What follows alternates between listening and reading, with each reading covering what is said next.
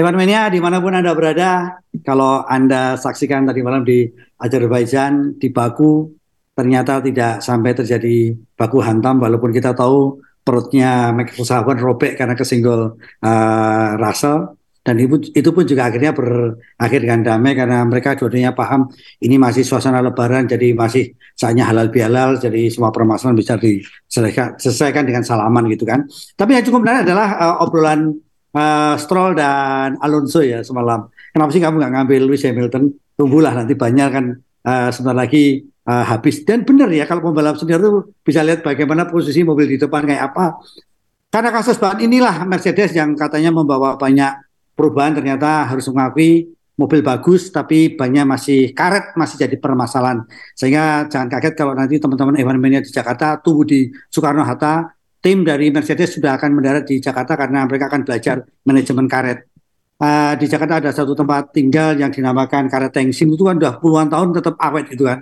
Gimana karet tengsin masih tetap bertahan di Jakarta. Nah itu yang akan jadi uh, pembelajaran untuk uh, tim Mercedes. Kemudian juga timnya akan menyebar ke mana-mana nanti. Karena di Indonesia katanya punya budaya mempertahankan karet dengan bagus yaitu jam karet itu. Padahal jam karet kan belum tentu semuanya cocok untuk dunia yang sangat modern seperti saat ini. Nanti kalau frustasi larinya ke mana? Larinya adalah ke BKKBN karena mereka akan belajar kontrasepsi dari karet itu kan sama-sama ada banyak gesekan tapi kok awet itu. Misalnya nggak usah terusin omongannya orang dewasa. yang jelas main balap akan memberikan berkah di saat lebaran yaitu main balap ya jawabannya nanti harus pakai main balap satu topi Red Bull satu kaos Red Bull Ya. Nah, ini barang lama semua teman-teman. Di belakang ada juga Red Bull. Ini Abu Dhabi yang memenangkan uh, Abu Dhabi ini. ini belum satu tapi jangan. Yang ini Honda jangan. Oke okay, baik. Uh, pertanyaannya hanya untuk anda yang nonton main balap yaitu jawabannya nanti di IG saya. MB ini episode keberapa? 97 jawabannya MB 97. Nah, MB adalah singkatan dari main, main balap. Jadi kalau tidak nonton podcast ini ya pasti hanya ikut-ikutan ya ikut-ikutan MP MP MP gitu. Oke, okay, One Mania sa uh, semalam balapan di Baku menyenangkan atau tetap MotoGP yang sampai uh, lap terakhir antara Ducati dan KTM. Kayaknya seru yang MotoGP, uh, tapi saya nggak nonton Mas karena saya nonton F1. Uh, kebetulan weekend kemarin sedang banyak acara di Trenggalek, ada Persebaya Festival, jadi saya nontonnya nggak uh, bisa tenang di depan layar besar. Uh, tapi yang saya sadari adalah sprint weekend ini tidak seseru yang kita bayangkan, yang diharapkan oleh F1 mungkin. Bahkan ya. mungkin tidak seseru. Saya sudah menduga ini bakal aneh karena Sabtu itu terpisah dari Jumat dan Minggu sekarang. Ya. Sabtu itu kayak kayak weekend kayak balapan sendiri ya. dengan poin sendiri yang tidak ada yang konsekuensinya terhadap hari Minggu tidak tidak seperti sebelumnya karena posisi startnya hari Minggu kan ngambil hari Jumat. Ya. Jadi terus terang karena sedang ada acara, saya nonton sprintnya itu tonton tayangan ulang di BN Sport, tapi kan cuma setengah jam, jadi nggak lama gitu. Lamaan ngomongnya sama analisisnya daripada balapannya sendiri hanya 17 lap. Dan ya mohon maaf, uh, format apa pun tidak akan bisa menyelamatkan balapan yang tidak seru. Guys. Jadi saya kira takutnya nanti F1 malah terlalu banyak gimmick sehingga malah uh, fundamental balapannya malah malah tetap tidak tersentuh, malah tetap tidak bisa diubah karena kan sehebat apa pun uh, skenario nya F1 ini kan tidak bisa didesain skenario nya Mas karena kan siap kan kita tidak bisa bilang Verstappen pelan dong ngalah lima posisi kan nggak mungkin kayak gitu. Ini ya. kan ini kan uh, kegiatan sports yang alami terjadi di lintasan bukan yang disetting bukan oh. bukan WWF. Oh ya ya ya ya ya ya. Sehingga ketika di, dikemas pakai format-format apa pun malah malah menurut saya malah terlalu banyak gimmick jadinya. Uh, jadi kita uh, mungkin sebelum kita ngomongin soal sprint lagi Mas Dewo, ya. uh, sama kejadian paling menarik di Baku kan malah endingnya yang itu mungkin Mas Dewo bisa cerita lebih banyak daripada saya karena Mas Dewo pasti kalau Mas Dewo kemarin jadi fotografer di Baku pasti termasuk bagian dari calon-calon korban ditabrak Ocon itu kan. Nah, jadi ya kita ngomongin hasil dulu lah supaya cepat selesai hasilnya. Uh, uh, karena ini ada dua balapan pada prinsipnya ada 8 poin untuk pemenang sprint dan 25 poin untuk pemenang lomba. Tapi saya langsung sebutkan yang akhir aja. Jadi ketika lomba berakhir uh, ya Red Bull masih satu dua, tapi ya. kali pertama Perez yang nomor satu, Verstappen nomor uh, dua. Kemudian Ferrari akhirnya dapat podium, uh, podium pertama tahun ini. Uh, kita lihat nanti apakah ini benar-benar pertanda baik atau hanya semu. Jadi Leclerc uh, nomor tiga, lumayan. Uh, Alonso hampir hampir tiga, konsisten sekali tiga tiga tiga empat sekarang. Ya. Uh, mungkin sirkuitnya kan memang tidak terlalu menguntungkan Aston Martin karena ada trek lurus yang dua kilometer itu. Kemudian uh, Sainz, Sainz ini agak aneh, uh, dia tidak bisa sama sekali membantu Leclerc di depan. Uh, Hamilton nomor 6, Mercedes. Mercedes ini ada di situ tapi kayak nggak ada di situ ya Mas ya. Jadi iya. nggak jadi bahan omongan, nggak jadi bahan uh, gunjingan jadinya. Ya. Astro uh, peringkat 7 uh, walaupun mungkin punya potensi di di dekat Alonso. Uh, Russell juga karena qualifyingnya hari Jumat nggak bagus. Uh, startnya di 11, dia hanya bisa recovery ke peringkat 8. McLaren yang membawa update paling uh, paling apa ya paling berpengaruh di Baku saat qualifying hari Jumat. Dua-duanya uh, Norris sama Piastri mampu masuk top 10 tapi uh, saat lomba ternyata kendala top speednya McLaren itu masih masalah. Plus timing pit stopnya juga tidak menguntungkan. Jadi ketika keluar tertahan lama di belakang yang lain dan nggak bisa nyalip karena memang tidak punya top speed.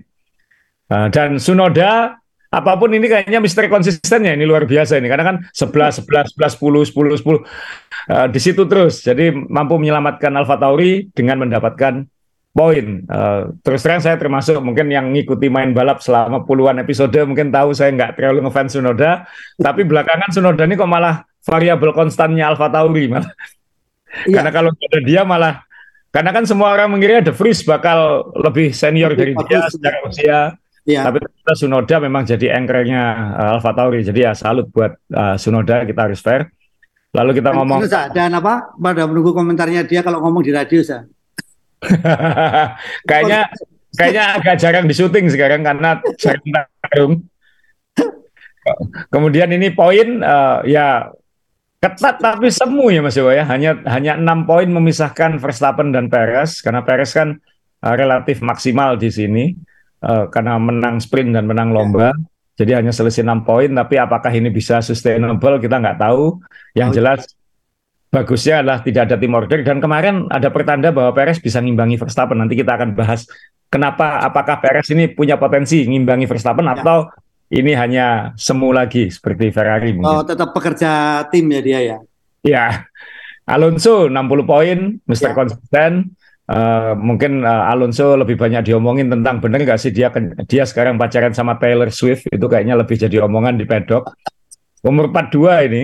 Uh, kemudian uh, Lewis Hamilton masih di situ 48 sekali lagi kayak kayak berteriak tapi nggak kedengaran kesannya Mercedes sekarang. Uh, Ferrari dua-duanya uh, Sainz masih punya poin sedikit lebih banyak karena Leclerc kan apes terus di awal musim. Russell juga di situ walaupun Russell ini qualifyingnya overall lebih unggul daripada Hamilton 3-1 kan sekarang. Tapi ya. poin masih banyak Hamilton. Stroll konsisten karena mobilnya juga bagus, uh, 27. Norris diam-diam uh, 10 poin sekarang, ya. diam-diam. Uh, kemudian Hulkenberg masih peringkat 6. Has, ini kan Has kayak tahun lalu kan. Has ini kayaknya nggak kelihatan kok ada di situ terus gitu. Iya.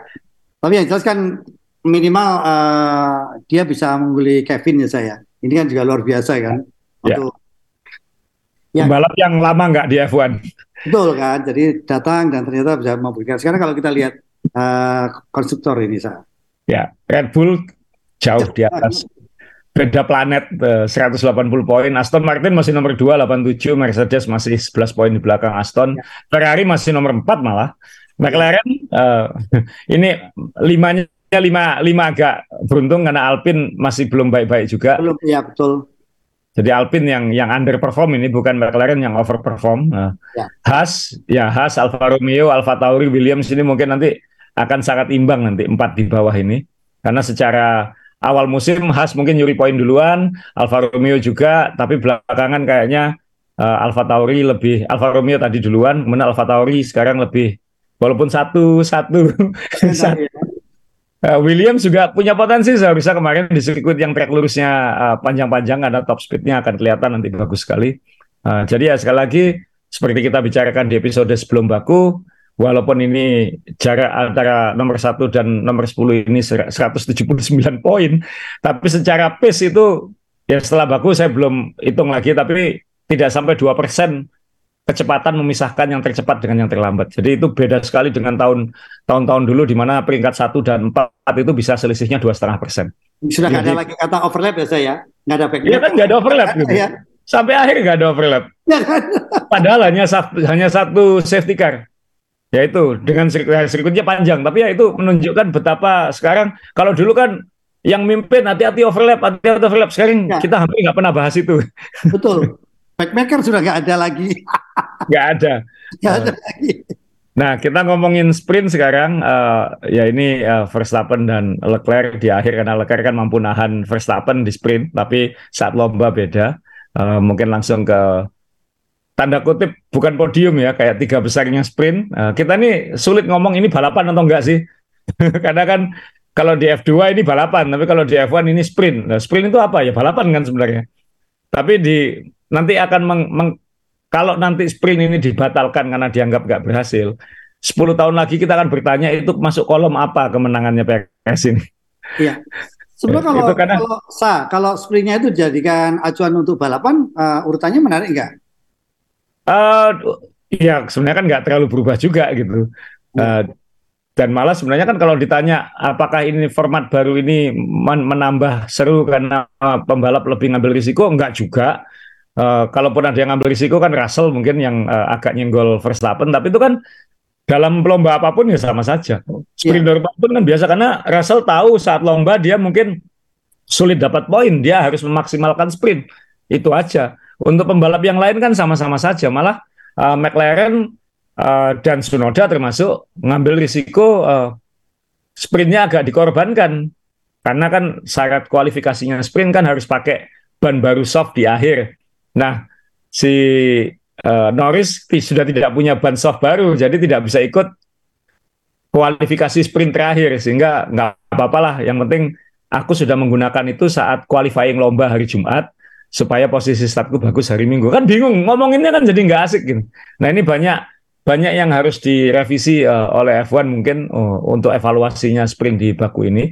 Selain uh, kemarin uh, tahun lalu dapat medali atau dapat uh, kalungan bunga, sekarang dapat plakat. Gak tahu itu plakatnya dari apa itu. Kan dan desainnya gampang banget ya kayaknya ya. Maksud bagusan bagusan kita bikin event gitu Mas Jo. Ya tapi kan F1-nya yang mahal, F1-nya itu yang mahal. Sablon murah Mas Jo. ya, uh, jadi uh, sprint race uh, ternyata menurut Asa kurang menarik sehingga uh, sebenarnya juga kita berharap balapannya yang menarik begitu kan?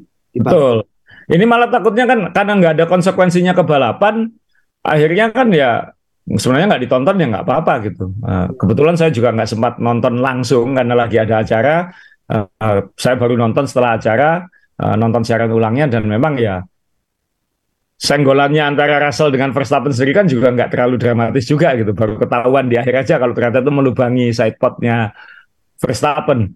Nah, seandainya ini masih format lama, memang kayaknya nggak berubah terlalu banyak. Uh, kan yang diharapkan dulu dari sprint, original ada sprint dulu adalah hasil kualifikasi hari uh, Jumat, yang kualifikasi normal itu, kemudian posisi start hari Minggu bisa berubah di hari Sabtu karena sprintnya nanti siapa tahu yang mimpin di depan nanti membuat kesalahan sehingga dia ketika lomba harus start di belakang dan itu nggak akan terjadi sekarang Uh, tahun lalu kan perdebatannya hanya pole positionnya tuh yang mana, yang menang sprint atau yang hari ya. Jumat. Ya. Kemudian ada solusi pole positionnya tetap yang hari Jumat, menang sprint itu tidak dianggap pole tapi start terdepan. Sekarang udahlah satu diubah sama sekali nggak ada kaitannya qualifying Jumat untuk Minggu uh, dan yang hari Sabtu itu qualifying sendiri dan uh, sprint sendiri. ini kan nggak boleh ngomong race, sprint sendiri. Sprint ya dan jadinya pendek-pendek. Kalau kalau kalau sebelumnya di weekend normal kita dapat satu jam uh, praktis dan satu jam qualifying di hari Sabtu atau uh, satu jam praktis dan mungkin 45 menit sampai satu jam sprint. Ini kita hanya dapat nggak sampai 45 menit qualifying sprint, shoot out dan nggak sampai 45 menit sprint. Kan kasihan yang nonton di sirkuit masuk lebih sedikit tontonannya Ya. Itu ini pasti pasti evaluasinya akan akan akan lebih menyeluruh. Tapi nggak tahu apakah akan diubah. Mungkin akan nah kita lihat lagi nanti di lomba di sprint berikutnya uh, hasilnya seperti apa supaya sampel size-nya lebih banyak. Saya pribadi sih nggak terlalu tertarik. Ini membuat kita nontonnya Jumat sama Minggu aja. Sabtu kalau nggak ditonton juga nggak apa-apa kayak gitu. Karena apa pun yang terjadi di hari Sabtu kan belum tentu punya konsekuensi untuk hari hari Minggu. Okay. Uh, dan di hari Minggunya ya tetap. Nah ini kita mau ngomongin lombanya dulu. Kenapa Perez dan Verstappen nah, atau mau... kita ngomongin lomba lah sekarang. Jadi oh ya nanti yang terakhir aja ya soal pengalaman Mas Dewa di. Oke, okay. siap siap. Kita ngomongin dulu soal Perez. Ini kan di luar dugaan ya dalam arti uh, di mana pun Max Verstappen ini kan selalu selalu op, uh, selalu optimal. Sah. Tapi kenapa mulai dari sprint, mulai dari balapan kemarin rasanya ya Perez ini memang kita akui lah ini memang uh, alitopannya Meksiko lah raja jalannya raja Meksiko. Silakan saja ya raja jalanan betul. Lima lomba lima kemenangan terakhirnya semua di street circuit. Uh, Baku dua kali orang pertama yang menang di Baku dua kali. Uh, menang Monaco menang di mana Arab Saudi Singapura uh, dan ya Baku lagi. Dan ini ya foto ini saya pasang karena Helmut Marko dokter Helmut Marko konsultan Red Bull. Uh, jabatannya konsultan Mas Dewa tapi ini bos besarnya uh, umurnya 80 tahun weekend kemarin uh, dan dia ini uh, tegas kejam terhadap pembalap-pembalap biasanya. Nah ini uh, finish satu dua harmonis ya kalau kita lihat foto ini harmonis. Kalau ya. kita lihat foto ini harmonis setelah oh. lomba. Jadi kayaknya kok kalau ingat tahun lalu kan sempat ada omel-omelan antara keduanya, tapi ini kok nggak ada. Uh, apakah ini pertanda uh, sudah beda? Kita belum tahu karena memang Verstappen bilang ya nggak apa-apa lah satu lomba dan toh aku juga masih di atas. Kalau mungkin ini Perez ngambil klasemen puncak, mungkin uh, Verstappen mungkin lebih lebih Verstappen. Iya gitu. boleh, iya betul boleh Verstappen. Nah, yang membedakan apa kok bisa uh, Perez ini bisa lebih uh, baik uh, overall? Uh, kita harus akui ada elemen safety car membantu Perez, tapi setelah safety car pun ternyata Verstappen juga nggak bisa uh, ngejar kan. Semua akan mengira Verstappen akan ngejar kejam. Uh, saat start pun misalnya Perez bisa uh, dua-duanya bisa uh, bisa melewati Leclerc dengan relatif mudah ya. dan uh, Perez juga tidak jauh-jauh amat dari Verstappen. Malah Verstappen lebih jauh dari Perez daripada Perez dari Verstappen kalau membandingkan awal dan tengah sampai akhir lomba. Uh, ya kita harus kita harus uh, ngomongin safety car-nya dulu. Kejadiannya kan gara-gara ini di belakang pojok ada De Vries, De Vries uh, membuat kesalahan uh, dan ini uh, ini setelahnya ya. Ini ini Perez sudah di depan. Ya. Uh, tapi ketika kejadian itu mesinnya tuh masih nyala Mas Jo. Kan komentator yang ngomong mesinnya De Vries ini masih nyala sehingga safety car atau enggak, safety car atau enggak Uh, karena kan kalau dia bisa milih gear mundur kan mungkin bisa keluar dari situ atau minimal cepat di cepat diselamatkan sehingga tidak perlu safety car. Tapi ternyata dia stuck kan di situ. Ada yang rusak dan tidak bisa bergerak sehingga safety car harus keluar. Nah, sirkuit ini kan panjang sekali Mas Yo, 6 kilo dan trek lurusnya kan panjang sekali. Jadi mobil safety car-nya kan akan menunggu di ujung itu kan lama sekali. Nah, waktu itu mungkin uh, dan itu lapnya tanggung, lap 9 10 itu. Sehingga itu kan semua yang pakai medium kan pengen segera pindah ke hard. Karena ini akan one stop dan bahan hard itu sebenarnya bisa dipakai selama mungkin. Terbukti pembalap-pembalap yang start dari pit lane termasuk Ocon itu sebenarnya nggak perlu pit stop, tapi karena wajib ganti ban dia harus uh, uh, masuk pit lane di akhir. Jadi sebenarnya mau pit stop timing pit stopnya itu sebenarnya lebih cepat lebih baik. Karena sebelum safety car ini kan sudah ada yang ganti ban termasuk Hamilton kalau nggak salah. Sehingga eh, apa namanya uh, pit stop atau tidak karena belum waktu itu masih tanggung antara safety car dan tidak. Uh, Red Bull kan menanyakan bendera kuning ini aja kan sudah cukup untuk memperlambat lawan masuk sehingga itu membantu ngasih momentum gitu. Nah, karena Verstappen ada di depan, Verstappen yang dimasukkan duluan karena yang punya opsi pertama. Tapi kan kemudian tidak segera membuat keputusan ini uh, stewardnya uh, safety car atau tidak. Baru setelah Verstappen masuk itu safety car sehingga posisinya Perez ini sudah sudah melewati dan dia akan diuntungkan gitu. Bahkan uh, Verstappen harus keluar di belakangnya uh, Leclerc kan. Ya. ke dari depan ke nomor tiga. Jadi murni timing aja karena bentuk sirkuit dan panjang sirkuit. Jadi ya Red Bull juga nggak bisa ngamuk-ngamuk, Verstappen juga nggak bisa ngamuk-ngamuk. Verstappen hanya bisa bilang ya tolong dievaluasi gitu aja. Tapi kan dia tahu ini murni masalah timing gitu. Kayak kalau wasit itu kapan dipritnya itu. Ya. Kapan dipritnya? Kalau F1 kan diprit ketika ini sudah di sini kan beda dengan sudah di sini. Dan ini ini mirip dengan uh, nanti di akhir ketika fotografer sudah masuk itu karena posisinya Ocon dan posisinya Perez yang menen yang bikin uh, pengawas lomba ini kapan memasukkan fotografer kan kayak gitu. Ya. Mereka kan acuannya kan yang yang yang mimpin lomba bukan yang paling belakang. Termasuk uh, di sini kan ke, keputusan ngeprit kapan nyemprit kapan safety car kelu, di, dikeluarkan atau tidak kan bukan berdasarkan uh, posisi Verstappen di mana tapi keputusan dari Marshall yang di sekitar uh, di sekitar uh, De Vries ini bilang uh, ini butuh safety car atau kamu bisa cepat. Ini kan dia kan nggak nonton TV, dia kan nggak kan mungkin ada siapa tahu ada yang bilang konspirasi ini sengaja supaya Verstappen di belakang ya nggak se nggak se juga walaupun ada Stewart tapi kan yang di sini kan nggak tahu uh, dia kan masa dia nonton layar dia nonton layar terus bilang oh sekarang aja sekarang aja kan nggak juga gitu dia kan harus ngelihat uh, mobil itu seperti apa akhirnya ya pure timing membuat Perez di depan tapi setelah Perez di depan pun, ya Verstappen juga nggak bisa mendekat gitu. Verstappen memang dia harus nyalip Leclerc duluan kan. Gitu. Jadi mungkin agak nolong Perez menjauh dari satu oh. detiknya satu detiknya uh, eh, DRS itu. Nah, tapi kan Verstappen cepat sekali tuh ngambilnya. Tak. Nah, kalau Verstappen bisa lebih cepat, sedikit walaupun seper 10, seper 100, seper 100, tapi kan lama-lama bisa masuk DRS. Begitu masuk DRS kan bisa Nempel. bisa lebih gampang uh, mendekati atau mempresur Perez, tapi nggak pernah bisa mendekat gitu. Dan ini uh, analisisnya karena memang kita ngomong ini sirkuit, sirkuit yang uh, kebetulan ramah ban, uh, bannya ya bannya awet banget sehingga tidak perlu dan Perez ini paling jago dalam pemakaian ban. Ini mungkin yang ikuti F1 sudah lama ingat Perez ini uh, irit ban sejak zaman Force India dulu jago dapat poin karena paling bisa menghemat ban. Jadi pemakaian bannya dia ini paling enak gitu, sehingga tidak overheat, tidak kasar akselerasi. Dan di di segmen pertama, segmen pertama uh, baku ini kan banyak tikungan 90 derajat itu kan. Itu kan kayak rem gas, rem gas gitu aja ya. dan dan Perez di situ lebih smooth gitu.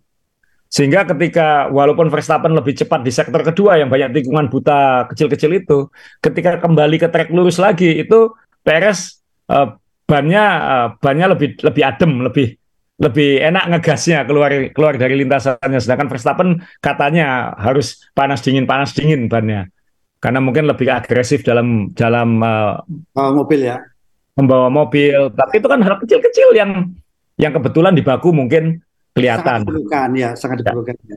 Jadi ya, ya itu Kembali ke omongan tadi Alonso dengan Stroll itu apakah ya benar saja? Jadi uh, memang manajemen ban itu untuk pembalap-pembalap kan sudah tahu nih lawan kita ini bentar lagi udah uh, habis nih banyak dan memang ada juga uh, kalau sudah kepepet itu kan kadang-kadang tim menyelamatkan muka dengan box box.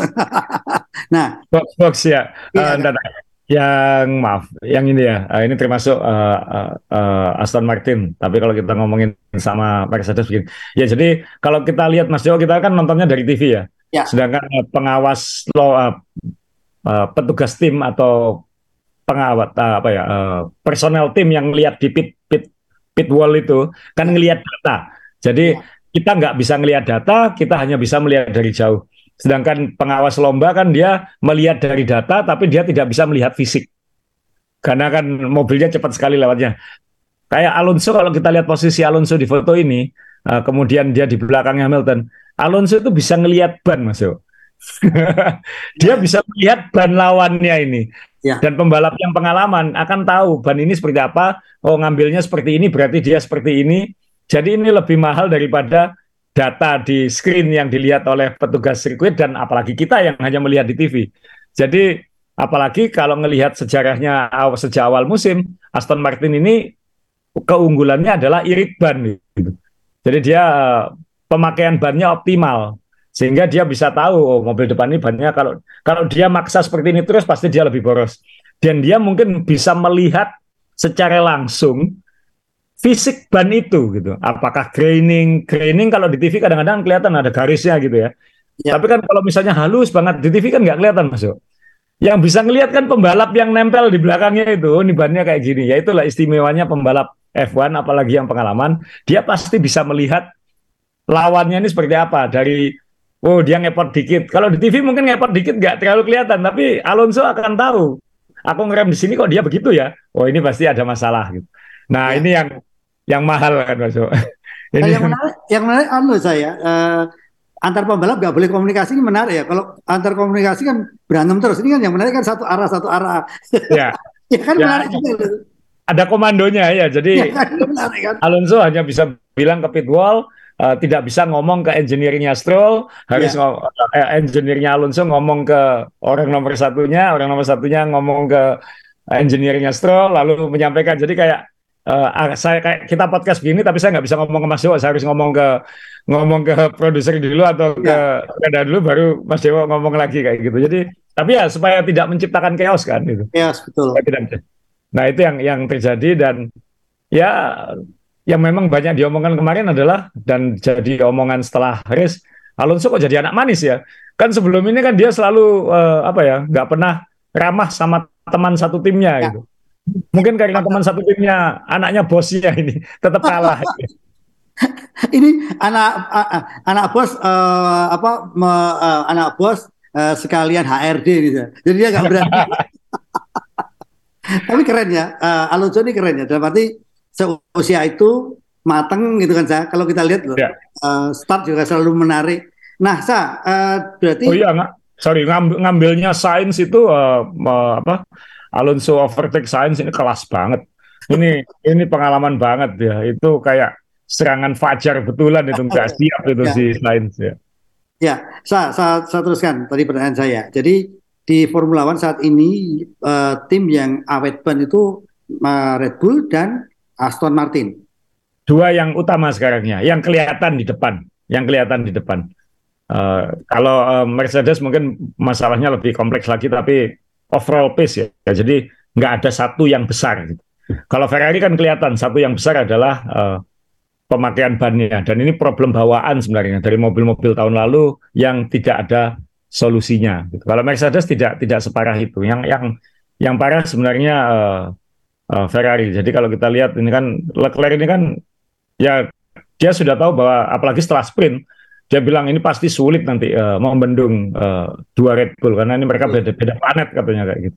Dan ya. waktu jadi teman-teman hari Jumat itu uh, kan judul preview kita adalah semoga ada kejutan di Azerbaijan. Ya. Kemudian setelah setelah qualifying Jumat, Mas Dewo uh, WA saya bilang Ferrari Polza gitu kan. Terus saya bilang nanti dimakan di trek lurus itu Mas Dewo karena ya, dan, karena top speednya beda banget nah, kelihatan nah. apalagi Red Bull bukan hanya unggul top speed DRS-nya dia itu lebih efektif dari yang lain gitu. Jadi uh, kalau yang lain nambah sekian Red Bull bisa nambah lebih banyak lagi karena mobilnya sudah begitu efisien ditambahi DRS makin efisien lagi uh, membelah angin. Itu yang uh, jadi sebenarnya kalau jadi Leclerc memang kayak tinggal ini kayak kapan yang mau dilewatin? Nyalipnya gampang banget mas. Itu di trek lurus itu kayak mohon maaf ya kayak kita di jalan tol uh, ya mobil ya, ketemu cumi darat ketemu cumi darat iya. ketemu Fortuner ketemu iya. uh, Innova.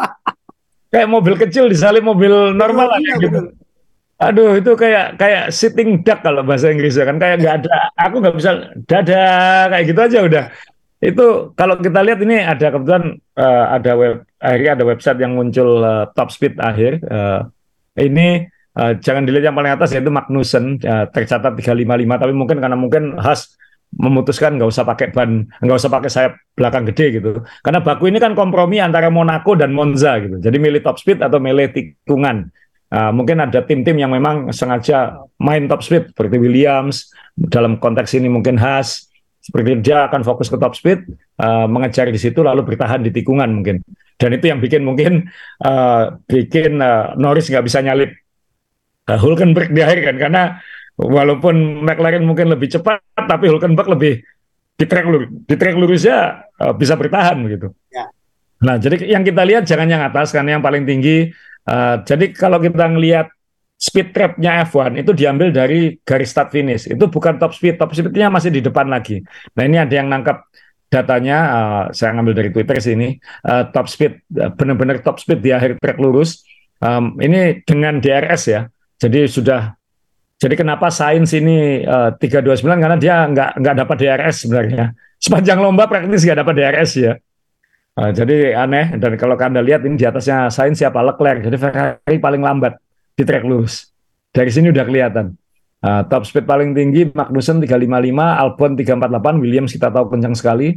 Uh, Sarjan aja di 346. Nah lihat ini, Perez 347, Verstappen 347.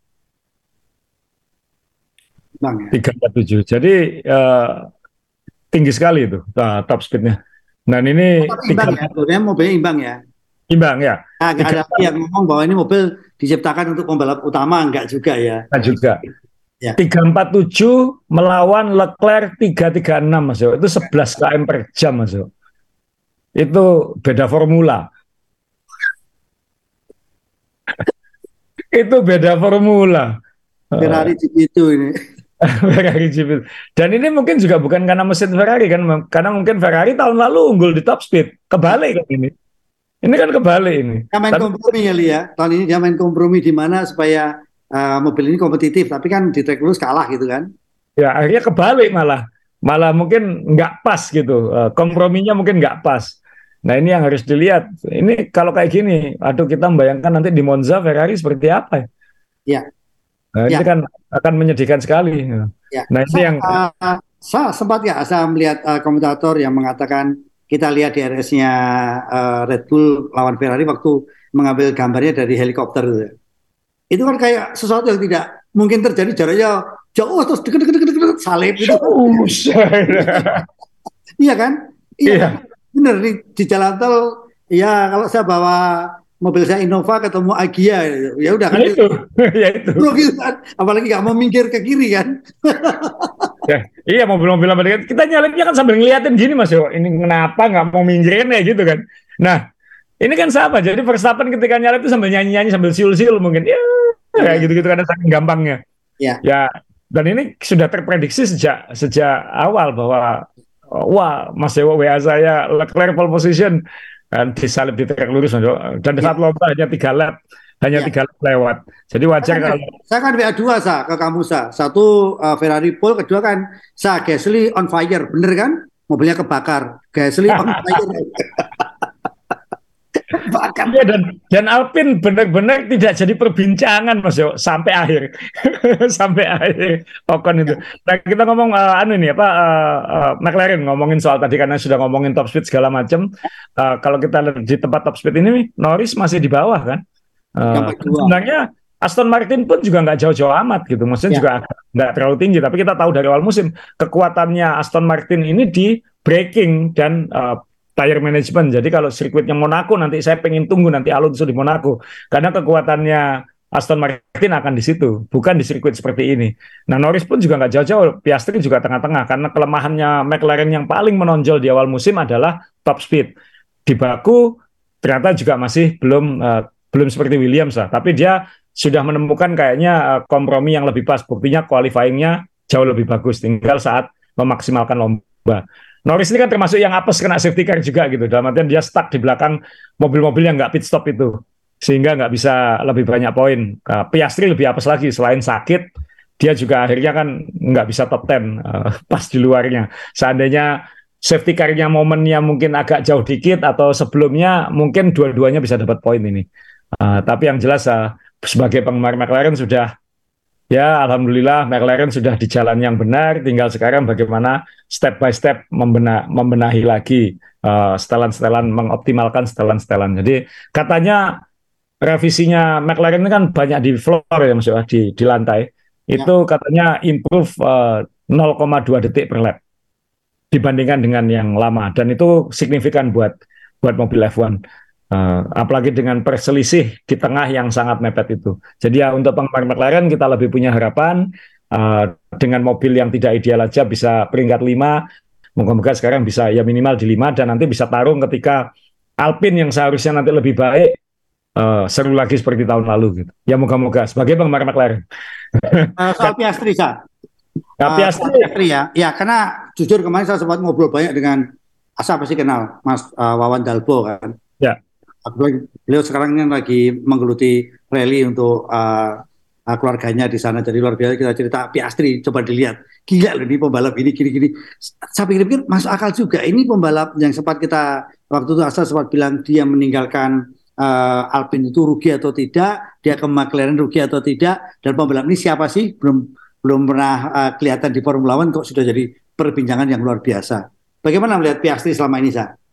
Ya, sejauh ini ya masih tersembunyikan oleh mobilnya McLaren, Mas ya. Mobilnya belum belum memberi dia kesempatan untuk untuk menunjukkan kemampuan sebenarnya kayak gitu.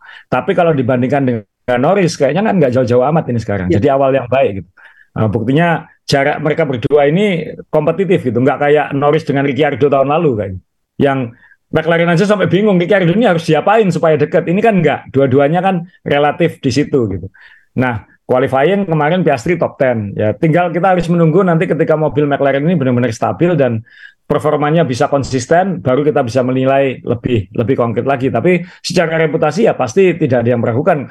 Pembalap belum balapan di F1 kok yang rebutan sudah seperti itu. Itu kan berarti kan sesuatu. Mereka, mereka ini kan lebih tahu daripada kita gitu. Nah, jadi, ya. jadi punya pasti punya potensi, pasti punya potensi. Ya. Tapi sekarang potensinya tenggelam oleh um, terlambatnya pengembangan mobil McLaren gitu aja. Ya, sebagai pengembang McLaren saya juga berharap Norris dan Piastri nanti bisa menyodok ke depan. Karena mobil ini kayaknya nggak ada yang spesial ya. Beberapa tahun lalu McLaren minimal spesial di trek lurus trek lurus. Sekarang nggak ada spesialisasinya. Dan ini akan sulit untuk menca akan sulit untuk mendapatkan sorotan khusus gitu Mas Yo. Minimal kan kalau dia punya kekuatan di di karakter tertentu dia punya punya apa ya menonjol di mungkin di Spa di Monza bisa menonjol sehingga bisa jadi omongan. Kalau kayak gini kan dia akan tenggelam terus di tengah-tengah ke keseruan papan tengah F1 ini. Nah, ya harapannya nanti uh, McLaren ini katanya nanti kan akan terus ada update karena ini titik nolnya Kata McLaren sudah bilang, baku ini titik nol kita. Bukan awal lomba kemarin titik minus, karena tidak sesuai target. Sekarang kita udah di titik nol, nah tinggal bagaimana dari titik nol ini berkembang. Karena titik nolnya kan di tengah-tengah ini. Lumayan lah daripada kayak kemarin-kemarin. Ya. Itu aja. Ya kalau tim-tim lain kan ya memang ya Mercedes ini kan ya tadi kita udah ulangi terus uh, kuat tapi nggak jadi omongan, nanggung banget dia gitu. Oh, gitu. Ferrari minimal nggak bagong kan Mas Dewo? Ya, Tapi ya memang mobilnya ya nggak nggak bisa ngelawan gitu, nggak bisa ngelawan. Dan itu mungkin lebih menyakitkan mungkin ya. Nggak tahu menyakitkan mana Mas Yo? Punya mobil yang eh, tim yang nggak bagong tapi nggak bisa ngelawan, tapi mobil yang cuapat tapi bagong. Ya, ya, ya, ya. Kalau kita lihat kemarin kan memang uh, berapa kali, ini kan kayak apa saya uh, lihat sedih ya. Ferrari itu waktu 2022 itu kuat, 21 kuat, 23 ini kan yang yang sudah malah parah nggak ada bagongnya tapi malah juga lebih parah kan gitu kan kadang-kadang memang kita sedih ya udah menang tapi uh, mestinya uh, terbakar atau mogok gitu kan itu kan kadang-kadang menyakitkan tapi kan kita dapat keseruan ini kan nggak relatif kita ya. ya. Uh, kalau saya istilahnya teman-teman di grupnya Evan Mania Surabaya kan uh, San Mori katanya San Mori. Ya, bayangkan, jadi nggak ada luapan emosinya Mas. Saya bisa membayangin. Emosi semalam juga. Waktu Leclerc disalib dengan begitu mudah, begitu mudah itu penggemar Ferrari kan melihatnya kayak gimana gitu ya. Aduh kasihan dan kayak gitu. Oh, Maksudnya, oh, itu ini, ini bagus sekali. Jadi TV menampilkan bagaimana penggemar Red Bull dengan Ferrari.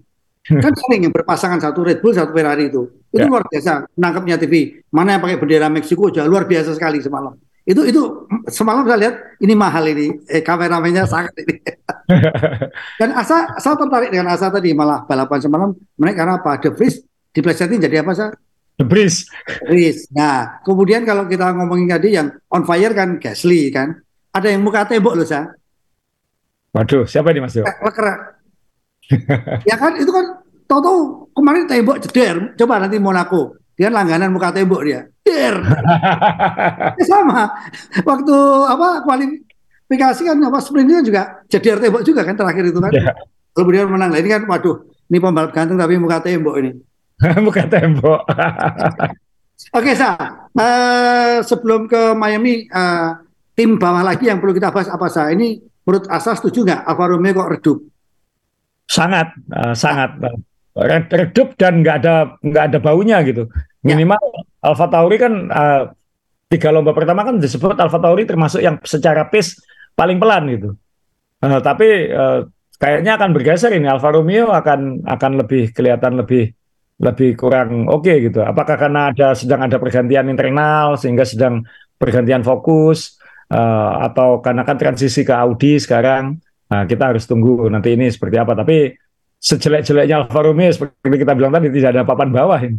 Itu yang dan ya salut ke Sunoda lah. Salut ke Sunoda. Uh, saya harus sebagai bukan penggemar Sunoda, uh, malah yang paling sering uh, uh, uh, apa yang ngata-ngatain mungkin saya harus salut ini konsisten juga ini uh, anak Jepang satu ini gitu. Ya. Nah, Mas Dewa sebelum ke Miami kita harus ngomongin ini Mas Dewa kan kan Mas Dewa yang yang akan lebih banyak cerita ini. Jadi teman-teman yang nonton kemarin mungkin saat fokus kamera fokus ke depan itu uh, ada komentator ada James uh, James Allen uh, pit walk uh, komentator pit pit uh, area pitnya Sky Sport sebenarnya itu ngomongin bahwa ini orang sudah mulai keluar, orang sudah mulai keluar, nggak boleh, nggak boleh, ini kan bahaya. Uh, Ocon masih belum pit stop, Ocon masih belum pit stop karena kan uh, yang di lapangan belum tentu tahu apa yang terjadi di lintasan kan kayak gitu. Sedangkan komentator kan dia ngelihat screen, dia ngelihat timing bahwa dan dia tahu ini ada yang belum pit stop dan wajib ada pit stop. Dan itu ngeri juga kalau ngelihat foto ini Ocon masuk ke pit, ini kan belum 80 km per jam ya karena 80 km per jamnya kan di garis tebel ini ya. Uh, mobil F1 itu di pit lane kelihatan pelan itu itu masih 80 km per jam Mas Dewa itu masih nyalip-nyalip kalau di jalan tol Indonesia gitu. Nah ini uh, dia baru nginjak 80 kan di garis yang tebel di bawah tulisan DHL ini ya. Uh, ada orang ini. Nah ini fotografer sudah siap-siap nyebrang semua. Untungnya Ocon uh, bisa ngerem on time dan ini sempat lari semua menghindar. Kalau enggak itu bisa jadi drama bagong paling top dalam sejarah F1 itu bagaimana mobil Alpine nyeruduk banyak fotografer kan Mas Dewa. Dan ini kalau Mas Dewa liputan kan Mas Dewa termasuk yang di sini biasanya. Karena kan Mas Dewa suka uh, suka dusel kan. Ya. ya, nah ini jadi benar sah. Benar sah. Jadi memang uh, kita harus beruntung Formula One sudah format baru masuk uh, pitch itu kan 80. Bayangkan kalau Asa yang lebih paham dulu itu berapa kecepatannya sah? 120. Gak ada, gak ada speed limit. Dulu nggak ada. Nggak ada speed limit. Nah, bayangkan kayak apa yang terjadi. Sekarang kan sudah di rem 80 gitu kan. Dulu itu kalau yang saya lihat pernah 120 turun 80. Yang jelas dulu 120 kayak apa kencengnya kayak gitu kan. nah, nah ke, memang kalau saya waktu saya jadi fotografernya Asa, Asa ini uh, teman-teman biar tahu ya, uh, satu fotografer itu harus mengcover semuanya. Start, finish, wawancara, podium, nah seperti ini. Jadi kita harus uh, tahu startnya, kita harus tahu balapannya, kita juga harus tahu podium. Tapi kalau yang fotografer profesional seperti ini sudah pembagian tugas. Kamu di start, kamu di finish, kamu di uh, apa pas balapan, kamu di podium. Jadi mereka selalu mendapatkan uh, kalau ada foto bagus yang bendera dikibar-kibarkan finish. Kemudian kalau pas champion dia bagus. Ya karena memang sudah ditugaskan uh, ditugaskan seperti itu. Nah kalau saya saya ini kan biasanya harus ngira-ngira. 5 lap atau 10 lap sebelum balapan berakhir saya harus harus antri. Karena itu semua uh, fotografer itu antri kalau di Malaysia kan kayak lorong itu ya. Di mana pun ya. kayak kita dibariskan Ya. Dan saya jadi, jadi sebelum masuk ke dalam ini dibariskan di belakang kan ya? Iya, iya, bayangkan kita dibariskan di lorong, lorong berlorong. Bayangkan sound mesin kalau masuk kan kalau di lorong kan jadi kayak mendengung saya kayak apa? Ya. Uh, iya kan balik lagi suaranya kan kayak tersiksa gitu loh. Itu ya. kalau di Malaysia seksi sekali. Jadi kita tersiksa tapi seneng karena suara mesin itu kalau ngomong itu kita di ruangan yang kayak apa ya saya kayak yang menggaung gitu loh saya. Iya, mantul-mantul suaranya ya, ya. Ya, mantul itu itu ya jujur ini sangat terseksi tapi seksi itulah kekuatannya. Tapi kalau di tempat lain terbuka nggak ada masalah gitu kan. Ya. Cuman memang kita harus melawan kayak saya kan 160 uh, senti lawan para fotografer luar negeri yang 180 190 itu biasa gitu. Iya kan? Terus yang kedua adalah uh, seperti ini biasanya sebelum balapan berakhir kita dari lorong kita dibariskan mekanik juara 1 2 3 podium 1 2 3 juga ada siap kan. Ya.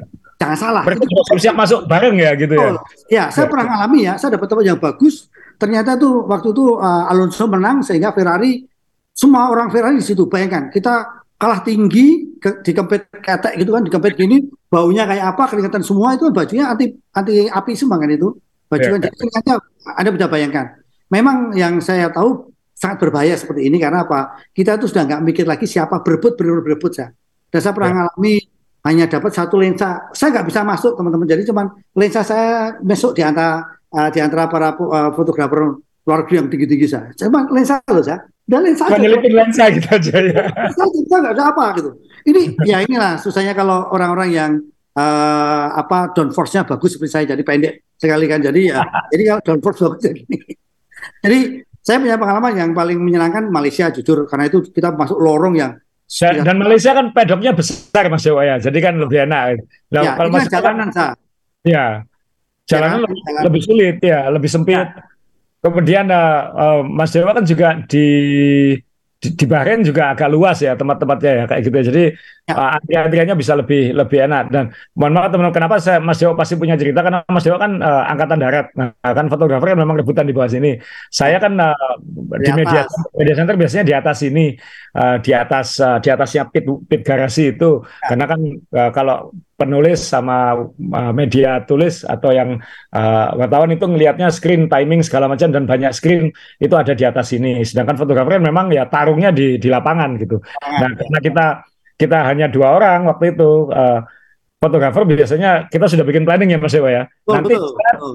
sebelum start tikungan satu untuk nangkap uh, start siapa tahu ada kecelakaan. Nanti setelah dua habis itu dalam dua tiga lap ngambil stok foto-foto mobil-mobil lewat Kemudian setelah itu silakan freelance mau nyari tikungan-tikungan nah. mau moto di mana. Ya. Kemudian ya benar Mas Dewo, 5 6 lap sebelum finish sudah harus siap-siap kembali karena kan sirkuit ini kan luas sekali. Betul, Jadi 5 kilo harus, lebih. Ya, harus kembali ke uh, ke sekitar pit lane karena akan ngambil bukan hanya foto seremoni pemenang tapi foto podium juga gitu. Dan ya. itu uh, kalau dia kantor berita atau F1, dia memang punya fotografer yang uh, di semua titik. Tapi kalau media-media yang yang race by race atau yang uh, seperti kita itu kan memang ya kadang orangnya nggak banyak, kadang nggak dapat di pit lane gitu. Ya. Uh, Om Bobby pun juga harus, Bobby Arifin pun juga harus pinter, harus tahu selanya kapan masuk, kapan enggak kayak gitu. Ya. Jadi fotografer ini berebut masuk selain foto park frame ketika mobil finisher ini kan ada kelihatan nih dua dan tiga. Ya. Satu tiganya kan di sini sudah disiapkan. Jadi mereka akan moto mereka keluar dari mobil, lalu mereka nyebrang ke pit wall ini naik ke uh, panggung-panggung yang sudah disiapkan ya, oleh panitia untuk moto podium karena Betul. Karena mereka harus berebut karena tempatnya kecil. Jadi siapa duluan dia bisa naik duluan. Dan yang gede-gede menang biasanya. Mas Dewa pasti kalau saya sering terus saya, sering melihat dari atas masuk di sebelah mana ya? Masuk di sebelah mana ya? Kadang-kadang kadang-kadang kan harus gitu masuk ambil sebelah sini ambil sebelah sini kayak gitu. Ya uh, itu uh, Mas Dewa kelihatan wah ya kalah kalah kalah. Kalau pemain football American football kalah kalah kalah postur Mas Dewa. Selalu. Ya. Kesenggol-senggol yang gede-gede itu gitu. Oh ini ini anu sa, ini bukan gede sa, ini cuma temannya Yao Ming ini. Udah ini Yao Ming semua ini saya bilang makanya yang Asa bilang tadi mau di angka nomor 2 3 1 ini yang paling berebut paling susah karena apa? Ya. Di situlah kita lihat ekspresi pembalap keluar dari mobil kan sa. Ya. Nah di situ kan Asa tadi benar setelah itu kita lari ke seberang karena di seberang itu untuk motret podium. Nah kalau yang terjadi di Melbourne itu juga sulit karena apa itu sirkuit uh, jalanan juga kan? Ya Jadi, kecil ya. Nah, kayak kecil. Kalau yang permanen itu enak karena kita sudah tahu lari ke mana mana dan yang susah lagi kayak di Melbourne tidak ada mobil eh, nggak uh, ada apa uh, ini apa shuttle uh, apa shuttle ya, shuttle. shuttle shuttle wartawan nggak ada shuttle baru foto jadi kita jalan berapa kilo harus cepat kembali berapa kilo ini yang yang menurut uh, saya ini pelajaran luar biasa dan asa ini adalah teman-teman biar tahu ya asa ini uh, kejam yang menarik bagi saya adalah uh, tidak boleh pakai foto buyer foto buyer itu istilahnya kalau nggak salah foto yang dibeli dari media penyedia ya, berita, foto ya. ya. Ya, kata berita foto lah. Asal kamu kalau kamu ke sirkuit, kamu satu orang pun harus semuanya. Jadi jangan salah, saya sudah dengan usia yang berbeda, saya masih kuat ya dalam arti terima kasih. Walaupun saya masih ingat waktu itu ada fotografer namanya Chandra sempat mimisen di Bahrain. Ayo saya bantu saya bilang. Ini fisik, mental, aduh, dan harus sayang, harus cinta Formula One. Kalau nggak cinta, udah kita jadi fotografer salon yang ah di sini aja, di sini aja, di sini aja. Karena saya pernah ya saya ketemu orang, nah bahasa Inggris saya jelek, tapi uh, penulisnya Asa ini ketemu, aku ketemu temanmu ini, ini ke mana-mana ini orang ini. Uh, bangga aku saya ada beli ngomong gitu. Jadi cuma satu orang, cuma berdua. Iya, aku lihat temanmu di mana-mana. Kali kalau orang yang mohon maaf kalau cuma kita malas ya udah di sini, di sini, sini. Tapi nggak seru kalau menurut saya. Ya mohon maaf teman-teman, nah, ketika dulu waktu masih banyak media Indonesia meliput F1 ke sirkuit, uh, kita itu uh, ya saya misalnya itu selalu bisa ngelihat gitu, maksudnya mana yang benar-benar rajin, yang liputan, mana yang sekedar jalan-jalan gitu. Dan uh, ketika kan panas sirkuit itu kan panas Mas Dewo. Kita keliling uh, segala macam mencari momen, mengejar momen karena dulu kan belum ada internet seperti sekarang misalnya. Itu awal-awal dulu kan Mas Dewo. Kemudian yang saya salut, saya waktu itu pertama kali yang salut sama yang namanya Om Bobby Arifin adalah ini orang kaya Betul. yang sebenarnya bukan wartawan. Betul. Yang sebenarnya hobi dan punya punya skill wartawan tapi bukan wartawan. Ya. Dia ini lebih mau panas-panasan. Ah, hobi sah. Panas-panasan jalan kaki keliling sirkuit ya. dibandingkan dengan wartawan-wartawan yang dibayar untuk liputan itu yang seharusnya sebuah sebuah kebanggaan kehormatan bisa di sirkuit kan kayak gitu Mas Jo. Yang daftarnya aja harus beberapa minggu sebelumnya kan Mas Jo, nggak bisa ujuk-ujuk saya mau datang liputan itu. Itu kan jadi kadang-kadang ya karena waktu itu saya posisi saya pegang manajemen media juga uh, berfungsi sebagai wartawan di sirkuit karena hobi. Saya ngelihat wartawan-wartawan ini kalau kalau ini anak buah saya ini ini nggak bener ini saya bilang kayak gitu. Karena uh, yang lain panas-panasan yang bule-bule ini pakai handuk-handuk kan Mas dia cari-cari uh, momen ngejar-ngejar segala wartawan Indonesia ini malah di bawah pohon semua duduk-duduk uh, duduk-duduk dan uh, ngobrol. Kan apa uh, ya dalam hati saya sih Mungkin dulu banyak yang nggak tahu saya siapa gitu. Pernah ada pengaman Mas Dewa? Ya foto waktu itu saya saya pernah double fotografer juga Mas Dewa waktu ya, di ya. Australia tahun 2001 saya bawa kamera lensa panjang itu satu lensa pendek satu lensa panjang. Kemudian uh, antri ada waktu itu ada wartawan senior Indonesia. Uh, terus kemudian uh, dia tuh bisa ngomong udah di sini aja ngapain panas-panas ke sana? Kan dalam hati saya saya pengen kok kayak gitu jadi ada makanya ketika kita liputan ya kita kita di sini ini kan momen F1 itu kan waktu itu kan bisa aja oh, kalau kita posisinya pas ada kejadian kita punya sendiri itu kan mahal kan Mas Dewa gitu.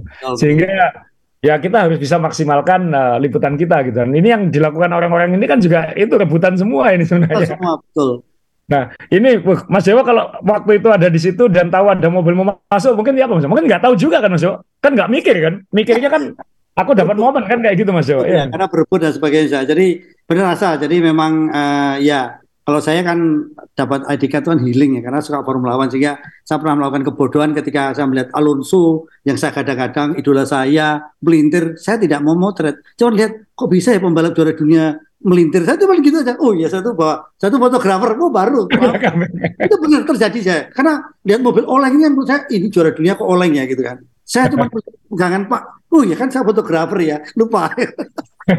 Kita cuma dapat pantatnya. Nyesel saya. Padahal kalau adegan dia terlempar ke gravel kan menarik. Harusnya fotografer sejati saya kan menghobi. Oke. Okay. Nah, ini ini kan berarti kan memang ada orang yang mengarahkan kan ini yang salah kan Mas kan. Iya kan, ada izinnya sa. Iya, yang ya. buka itu ini kan yang yang betul, pasti yang, betul. yang error dan memang FIA sudah melakukan investigasi uh, bahwa uh, uh, investigasi internal berarti ya. uh, kepada keluarga kenapa kok ini bisa terjadi.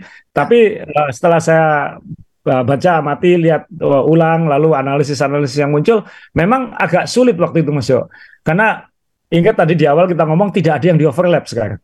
Ya, betul. Jadi uh, siapa yang di depan, siapa yang di belakang ini lebih rapat kan sebenarnya Mas Yo. Dalam artian uh, kalau yang di overlap begitu di overlap kan dia labnya hilang, dia kamu udah selesai gitu. Apa ini karena nggak ada yang di overlap, semua masih melakukan jumlah yang yang sama sebenarnya. Jadi dihitung balapan dihitung balapan. Nah, ketika Ocon ini mau masuk, sebenarnya Perez ini nggak jauh di belakang sini Mas Yo.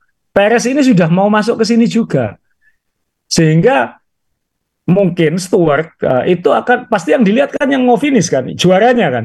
Ya. Karena ha harus juara. Kalau juara udah mau datang, berarti performanya udah harus siap. Ya, betul. Kemudian uh, podium-podium dan lain-lainnya sudah harus siap dan dia harus ngitung ini lima dua menit lagi sampai nggak sampai dua menit hitungannya mobil F1 kan satu lap nggak sampai dua menit. Dia dalam hitungan detik dia harus memutuskan kapan ini masuk kayak gitu. Nah mungkin waktu itu karena dia ngitung Perez sudah mendekati tikungan terakhir uh, mungkin sempat kelupaan atau ngeblank atau nggak perhatian bahwa Ocon masih belum pit stop gitu. Ya ini ini kalau mau disalahkan mungkin juga nggak ada yang salah-salah murni gitu karena ini situasinya memaksa terjadi seperti ini. Nah, nanti kita kita pasti akan tahu lah evaluasinya F1 seperti apa. Nah, Ocon sendiri juga kenapa baru sekarang pit stop gitu? Mungkin dia nunggu sampai last last minute siapa tahu ada safety car lagi kan kayak gitu Mas. Nah, supaya, iya, iya. supaya dia dapat pit stop gratis gitu. Ternyata ya. sampai lap terakhir dia nggak dapat pit stop gratis. Jadi mau nggak mau dia pit stopnya lap terakhir karena dia setelah pit stop ini kan nggak di overlap. Dia masih balapan lagi nih satu lap. Ya. Kan dia begitu dia pit stop dia masih balapan lagi. Kenapa? Belum finish karena juaranya masih di belakang sini gitu. Ya. nah ini ya murni uh, timing dan situasi yang sulit aja. Saya saya nggak bisa bayangin uh, race control itu akan seperti apa kalau situasi seperti ini terjadi lagi nanti. Ya. apalagi di sirkuit-sirkuit yang panjang-panjang ya kayak Belgia Nah, kalau Belgia mungkin juaranya nggak perlu ngelap lagi saking jauhnya, kamu langsung putar balik di ujung pit lane aja gitu. Nah, ya. kalau kayak gini kan ini ya ini tak terelakkan dan ini sebenarnya bukan hanya fotografer karena VIP VIP pun sebenarnya juga ada mulai diizinkan ya, sebenarnya. Ya, VIP sponsor, kemudian mekanik, tapi yang jelas gini tapi benar saja, jadi ini memang berbahaya karena apa sah? Sebelum kita keluar dibuka pintunya itu kita udah tawar menawar dengan penjaga dari Viasa. Eh, sekarang benar, ayo sekarang, ayo sekarang kenapa? Ini semua yang ada ini adalah orang-orang fotografer permanen yang sudah sangat makan asam garam, uh, asam garam, di mana letak posisi yang bagus untuk memotret. Ini kurang pengalaman semua. Jadi mereka itu berbuat sendiri sah. Kalau saya kan memang fotografer yang ah kadang enggak potret kadang enggak kan ya udah cari nyempil-nyempil aja kok mereka memang saya bisa luar biasa untuk berebut tempat ini dan fotografer sudah ber, berpuluhan tahun loh dia di Formula One. Jadi mungkin mungkin ya yang jaga ini mungkin orang baru dari Liberty Media. ya. Kalah pressure dari senior-senior fotografer ini ya, mungkin ya. Iya, dan mereka tuh sudah pasti konsentrasinya mencari tempat bukan melihat mobil datang. Ini yang baik. Iya. Ya, ya kan? Itu aja kesimpulannya. Ya. ya ini lah ya kalau nggak ada drama ini di akhir mungkin juga nggak ada yang diomongin di baku ini kan? Karena balapannya nggak seru. Karena balapannya sangat baku. Sangat baku. Ya jadi setelah ini untungnya sih eh, moga-moga kita tidak perlu kecewa terlalu lama karena weekend besok ini sudah balapan lagi. Karena ini akan ada empat lomba dalam lima minggu kan? Sehingga kita hampir tiap weekend akan nonton F1 ini. Tapi kalau boring-boring terus juga kayaknya nggak baik buat F1 nih Nah, balapan berikutnya di Miami. Miami yang uh, Miami yang uh, sebenarnya juga street circuit uh, karena itu di parkirannya stadion. Uh, apakah Perez bisa seperti ini bersaing dengan Verstappen kita juga belum tahu. Uh, yang jelas kalau satu hal yang ditakuti oleh lawan-lawan, uh, saya pasang foto pasangan Red Bull ini lagi karena uh, kemungkinan besar kan finish satu dua lagi kalau kita mau ngomong normal baku masih kok ya. Uh, nah bedanya Miami dengan Baku adalah Baku kemarin kebetulan agak dingin sehingga bannya irit relatif irit semua termasuk itu menolong Ferrari katanya. Nah Miami itu kan di selatan uh, di pucuk selatannya Amerika kan dan itu uh, cuacanya semi tropis lah sebenarnya dan itu akan panas karena ini sudah mulai uh, memasuki uh, akhir musim semi masuk ke musim panas dan itu cuacanya akan akan panas dan itu akan karena sirkuitnya karakternya juga uh, seperti baku ini banyak ngerem ngegas ngerem ngegas uh, street sirkuit pemakaian ban akan lebih uh, krusial karena cuacanya panas jadi penggemar Ferrari mungkin harus agak menahan diri karena ada kemungkinan Ferrari tidak akan sebaik di Baku. Aston Martin akan mungkin lebih ketawa karena mobilnya mungkin lebih bisa ber, bersuara. Uh, Mercedes mungkin bisa lebih baik sedikit. Gitu. Nah, masalahnya adalah Ferrari memburu, Aston Martin membaik, Mercedes membaik, tetap nggak ngaruh terhadap Red Bull. Ini kan hanya hanya ngaruh siapa di belakang Red Bull gitu aja. Kalau di awal musim yang di belakang Red Bull Aston Martin, di Baku yang di belakang Red Bull Ferrari, dan nanti kita lihat siapa yang di belakang Red Bull di Miami gitu. Kecuali nanti terjadi sesuatu pada dua pembalap ini. Tapi perseteruan yang diharapkan orang juga nggak terjadi karena ini fotonya dua-duanya senyum-senyuman sekarang. nah jadi ya kita jaga ekspektasi aja di Miami. Uh, moga-moga seru. Uh, semua penggemar balap pasti pengen seru uh, dan moga-moga tidak agak agak harapan susah ini. Tapi Red Bull akan akan kuat sekali di sana. Akan kuat di mana-mana lah. Gitu. Ya. Tapi kalau dia topinya udah kelihatan kalau Max Verstappen tuh nom pembalap nomor satu, kalau Perez dari topinya itu pembalap nomor dua itu kan satu, yang satunya satu satu kan kedua. Iya. Dan jangan lupa Ewan Mania uh, uh, main balap mempersembahkan hadiah untuk anda ini berkah Lebaran sekali lagi ini ada topinya oh, nomor tiga kan. Oke, okay. ini Red Bull, kemudian juga ada kaosnya Red Bull. Uh, pertanyaannya cukup mudah, Anda harus uh, ikuti di main balap. Jadi nanti di IG saya karena saya kalau ada IG saya itu paling gampang ngundi karena anak saya yang pinter ngundi kan. Jadi itu fair gitu kan. Jadi pertanyaan cukup mudah uh, untuk edisi baku ulasan baku ini di main balap edisi yang keberapa karena ternyata ya, saya dan Asa ini sudah ternyata udah rajin menemui teman-teman semua ya ternyata lebih dari kali ternyata. Nah itu keberapa silakan biasanya teman-teman Mas Gunawan Sutanto itu biasanya akan menulis uh, main balap edisi berapa apa siapa itu jawabannya adalah di IG saya MB berapa itu aja. Jadi MB berapa kita aja. Ya MB berapa ini tayangan kita. Jadi saya yakin kalau bukan uh, yang suka nonton main balap pasti ya akan ikut-ikut aja kalau ikut quiz. Siap. Terima kasih Mas Jo. Ya, apa ada lagi sa? Cukup, uh, kita ketemu lagi nanti setelah langsung setelah Miami aja ya hari Senin tapi, ya. Tapi janji ya saya edisi 100 edisi edisi 100 harus ada replika yang kita bagikan ya. Oke, kita buat. Iya kita buat ya. Saya nah, juga pasal salah satu pihak saya. Jadi kalau nanti ada dapat bekas, jangan marah. Karena apa? Itu pasti koleksi yang sudah puluhan tahun di almari gitu. Kalau debu atau karaten udah terima aja. Ini seratus kita akan, aduh ya sepakat ya. Kita akan mengorbankan salah satu yang kita sayangi. Ini sayangi semua Mas Yo. Uh, coba Saya juga lagi mikir di mana yang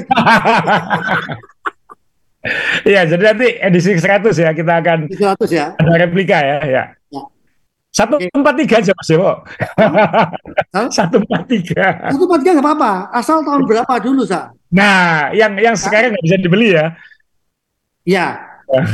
Nah, nggak salah loh. Pokoknya kita nggak janjiin, pokoknya koleksi kita loh, ya kan? Ya. Oke, okay. baik.